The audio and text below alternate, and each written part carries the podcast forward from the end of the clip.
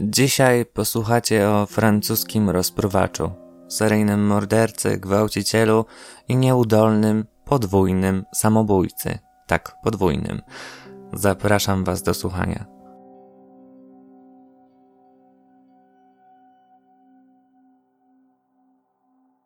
Józef Wascher urodził się 16 listopada 1869 roku w Beaufort w okolicy francuskiego miasta Lyon. Był najmłodszy z rodzeństwa, a w rodzinie było 15 dzieci. Rodzice byli biedni. Mieszkali na wsi, starając się jakoś wykarmić i wychować swoją rodzinę. Sami nie byli wykształceni, dlatego postanowili przynajmniej najmłodszemu synowi to wykształcenie zapewnić. Józef trafił do szkoły katolickiej z bardzo ostrym rygorem której uczył się dyscypliny, posłuszeństwa i bojaźni wobec Boga. Mówiono, że był dziwnym dzieckiem, ale nie miał skłonności do agresji, przynajmniej na początku. Poszukując dla siebie lepszej przyszłości, zaciągnął się do wojska. Był rok 1890. Nie budził kompletnie żadnych podejrzeń choć dosyć często wdawał się w bójki z innymi poborowymi. Uwagę swoich przełożonych przykuł w dniu ogłaszania nominacji na kaprala. Jego nazwisko nie znalazło się na liście. Zrozpaczony brakiem upragnionego awansu, na oczach swoich kolegów poderżnął sobie gardło brzytwą. Szybka pomoc lekarza uratowała mu życie. Na pamiątkę pozostała blizna. Od tego dnia, chcąc ją zamaskować, zaczął zapuszczać brodę. To było jego znakiem rozpoznawczym. Zupełnie tak jak biała, ręcznie robiona czapa z króliczych skór. Józef w końcu doczekał się upragnionego stanowiska. Koledzy z wojska zauważyli, jak często przygląda się ich szyjom.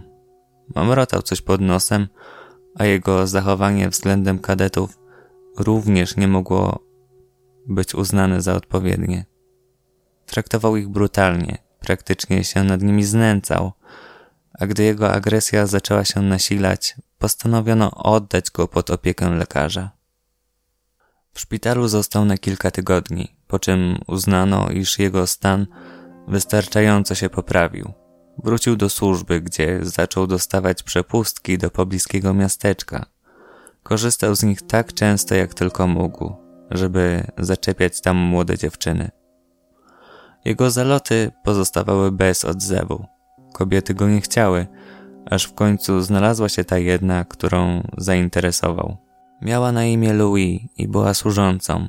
Po kilku spotkaniach Józef oświadczył się jej, by po zakończeniu służby wojskowej mogli wieść wspólne życie. Jednak zupełnie nie spodziewał się jej reakcji. Louis go wyśmiała. Powiedziała, że nigdy nie myślała o nim poważnie. Józef wpadł w szał. Ostrzelił do niej kilkakrotnie, a następnie w akcie rozpaczy strzelił do siebie, w głowę. Na szczęście oboje udało się uratować. Na mnie robi to ogromne wrażenie. To już jego drugie samobójstwo, jakkolwiek dziwnie to brzmi. Kula już na zawsze pozostała w jego czaszce. Prawa połowa twarzy była sparaliżowana. Najbardziej ucierpiało jego prawe oko. Według lekarskiego raportu, rana, którą sobie sprawił, mogła być przyczyną nawracających napadów szaleństwa. Dlatego postanowiono przenieść go do szpitala dla obłąkanych w miejscowości Dol. Nie przebywał tam długo. Pod koniec 1893 roku został przeniesiony do placówki w Saint-Robert. Tam został tylko na kilka miesięcy. 1 kwietnia, rok później, wypisano go jako całkowicie wyleczonego. Lekarze się go bali. Był agresywny, ciągle wykrzykiwał, że więziono go wbrew własnej woli przez ludzi z wyższego szczebla, którzy bardzo chcieli się go pozbyć. Psychiatrzy, mimo iż wiedzieli, że w takim stanie psychicznym nie powinien przebywać na wolności, chcieli się pozbyć niewygodnego pacjenta. Józef wyszedł ze szpitala. Zabrał ze sobą tylko kilka osobistych rzeczy: duży wór, zestaw map, parasol i dużą pałę z wyrzeźbioną sentencją. Kto czyni dobro, znajduje dobro. Akordeon, nożyce krawieckie i ponad sto noży. Z takim ekwipunkiem ruszył we Francję. W maju 1894 roku, niedaleko miejscowości Wien, dokonano strasznego odkrycia. Na mało uczęszczanej przez ludzi wiejskiej drodze odnaleziono zmasakrowane zwłoki. To była Eugene Delhomme, 21-letnia robotnica, zatrudniona w pobliskiej fabryce. Ktoś wielokrotnie dźgnął ją nożem i rozpruł jej brzuch. Ciało miało ślady gwałtu, do którego doszło prawdopodobnie po śmierci ofiary.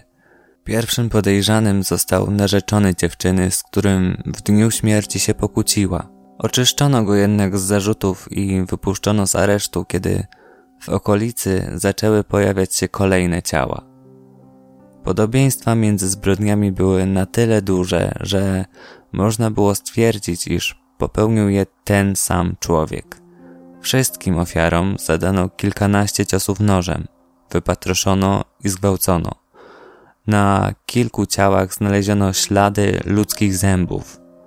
Południowo-wschodnia Francja żyła w ciągłym strachu. Wydawało się, że morderca działa zupełnie przypadkowo. Na ofiary wybierał głównie młodych ludzi, lecz płeć nie miała dla niego znaczenia. Najpierw zamordował trzy kobiety, później ofiarą padł nastolatek.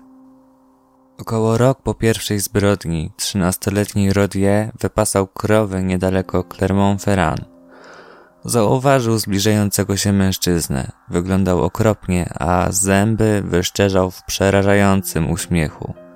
Na plecach dźwigał duży wór, a w ręku trzymał ciężką pałkę. Chłopiec ze strachu rzucił się do ucieczki. Tego samego dnia na policję wpłynęły jeszcze trzy inne doniesienia.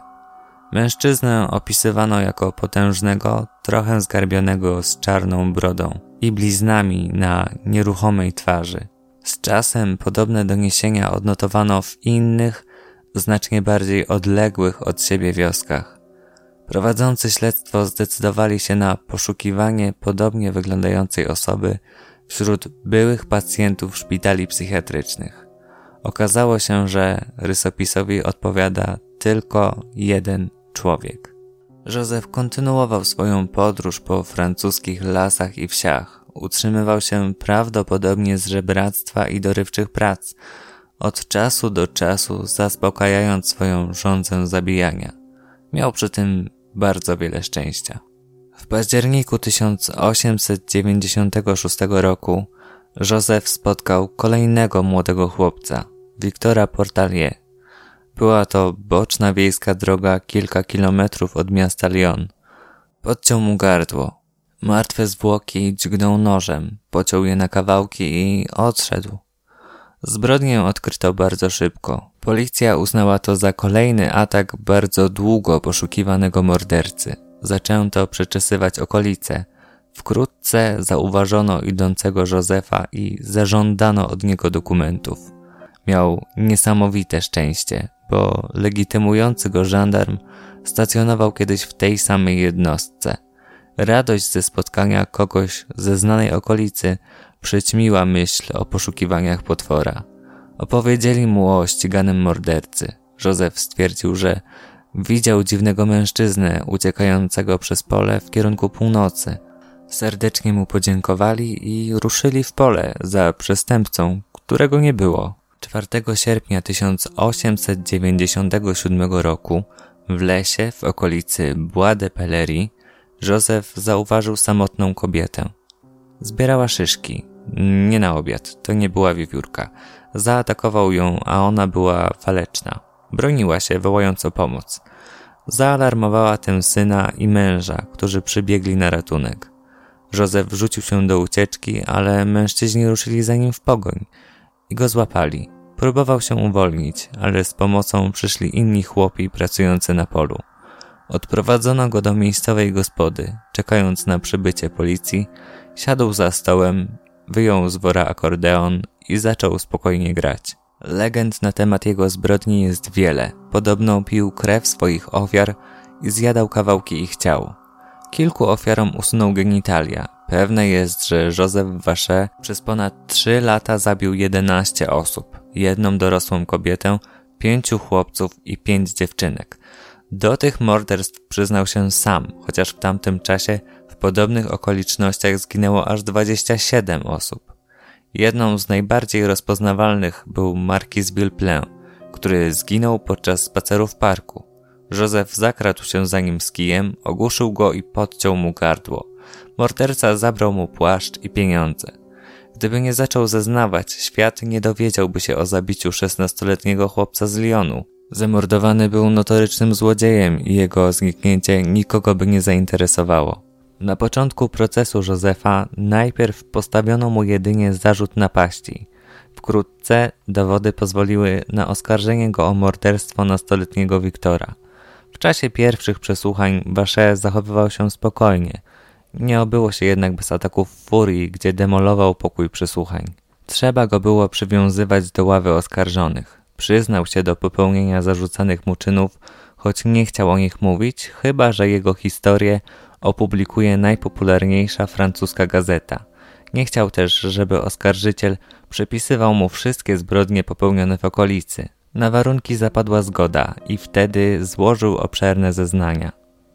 Nigdy nie poznano całkowitej liczby jego ofiar. Sam twierdził, że zabił 23 osoby. Podkreślał, że nigdy nie był w pełni świadom tego, co robił i bronił się chorobą psychiczną, która według niego była wynikiem ugryzienia przez psa w dzieciństwie. Rodzina była uboga i nie było ich stać na lekarza. Leczyła go miejscowa zielarka. Terapia go uzdrowiła, jednak lekarstwa zostawiły w nim trwały ślad. Od tamtej pory miał napady, choć był spokojnym człowiekiem. Fascynowała go ludzka krew, a pijąc alkohol był niepohamowany, nie wiedział co robi i to miał być dowód na jego niepoczytalność. Lekarze uznali, że jego stan psychiczny nie jest doskonały, jednak popełnione zbrodnie nie były wynikiem szaleństwa, były bardzo dobrze przemyślane i tym sposobem wykluczono jego niepoczytalność. Wtedy Józef zmienił zdanie, stwierdził, że jest wybrańcem Boga tak jak Joanna Dark. Jego zadaniem było uczenie ludzi wiary i strachu przed Bogiem. Moje ofiary nigdy nie cierpiały, choć zazwyczaj podrzynałem im gardła tylko jedną ręką. W prosty sposób odbierałem im życie ostrym narzędziem. Jestem anarchistą przeciw całemu społeczeństwu. Nie ma dla mnie żadnego znaczenia, jaki będzie rząd. Sąd nie był łaskawy, uznał go winnym i skazał na karę śmierci na gilotynie. Wyrok wykonano 31 grudnia 1898 roku. Józef nie dał się dobrowolnie zaprowadzić na gilotynę. Został ogłuszony i zaciągnięty siłą.